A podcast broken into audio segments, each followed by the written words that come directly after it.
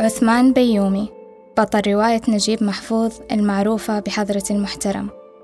الموظف الحكومي الطموح الذي بدأ من الصفر. ضحى بأشياء كثيرة كالحب المتعة والعائلة وأفنى عمره سعيا لهدف وحيد لا غير وهو أن يتربى عرش الإدارة. من شدة تعلقه بهذا المنصب لم يسعد بأي ترقية لأنه كان متطلعا دوما للترقية التي تليها. فسعادته كانت مرهونة فقط بمنصب وحيد لا غير. الكرسي لو ضاع مش هيشطب اسمك من دفتر الدنيا. هيشطبوا هيلغي حلمي قدرية معنى إن حلمي ده يتلغي قدرية إن أنا يبقى ماليش وجود. أثناء قراءتي لأسطر هذه الرواية كانت هناك لحظات شعرت فيها بالتشابه بيني وبين شخصية عثمان بيومي. وفي الحقيقة من منا لا يوجد بداخله ولو جزء بسيط من شخصية عثمان بيومي؟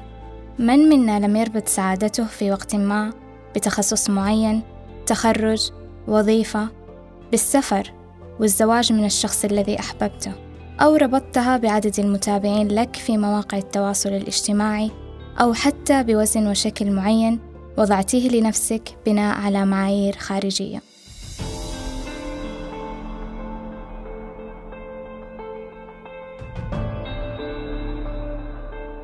فكم هي المرات التي أملينا فيها على ذواتنا عبارة سأكون سعيدا عندما And the I'll be happy when syndrome, it shows up in achievement, it shows up in relationships, but most of all money. We think, oh, if I could just make $10,000, then I won't have to stress about my rent, and then I will be happy. And if you manage to do that, you think, oh, I bet I could do $100,000. That'd be great. And if you do $100,000, then you think, I bet I could do a million. And once you get a million dollars, then you think, I wonder if I could do $100 million. And once you get $100 million, then you want a jet. And once you have $100 million and a jet, then you just miss the days that you could get high and go to the park and not have to worry about managing your money all day.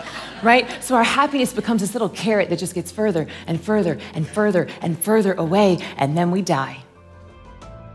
هذه العبارة تجعلنا نعيش حياتنا على الانتظار انتظار تلك اللحظة التي سنكون سعداء حينها مبتلعة بذلك عمرنا كله.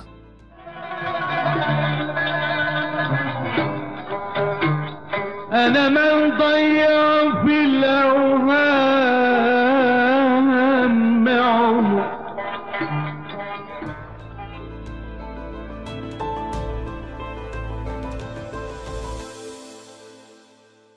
فالرحلة التي قضيناها سعيا وراء حلم هي جزء كبير من وقتنا على هذه الأرض.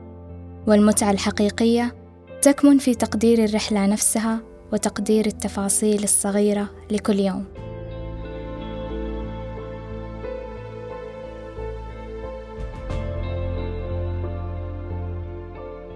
إذا السؤال هنا هو كيف نتغلب على مشكلة السعادة المشروطة؟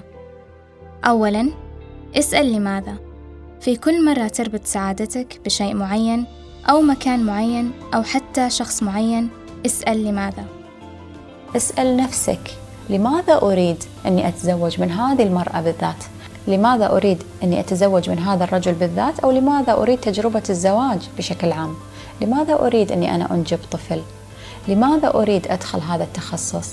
ليش أبي أروح إلى هذا المشوار؟ ليش ولماذا أريد أني أنا أصادق هذه المجموعة من الناس؟ إذا ننتقل من ماذا أريد إلى لماذا أريد؟ وهذا راح يساعدنا أن إحنا نفهم دوافعنا الداخلية. هل هناك حالة من الحاجة لهذا الشيء والتعلق فيه؟ أم أن إحنا نشعر بالبهجة وبالسعادة بشكل مسبق ونبي هذا الهدف أنه هو يزيدنا ويضيف لنا في حياتنا؟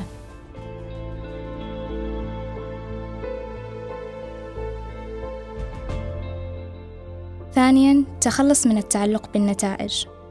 أدي أفضل ما عندك للوصول إلى ما تريد مقدرا كل خطوة في هذه الرحلة سواء كانت صغيرة أم كبيرة وتأكد بأن ما قسم لك ستحصل عليه.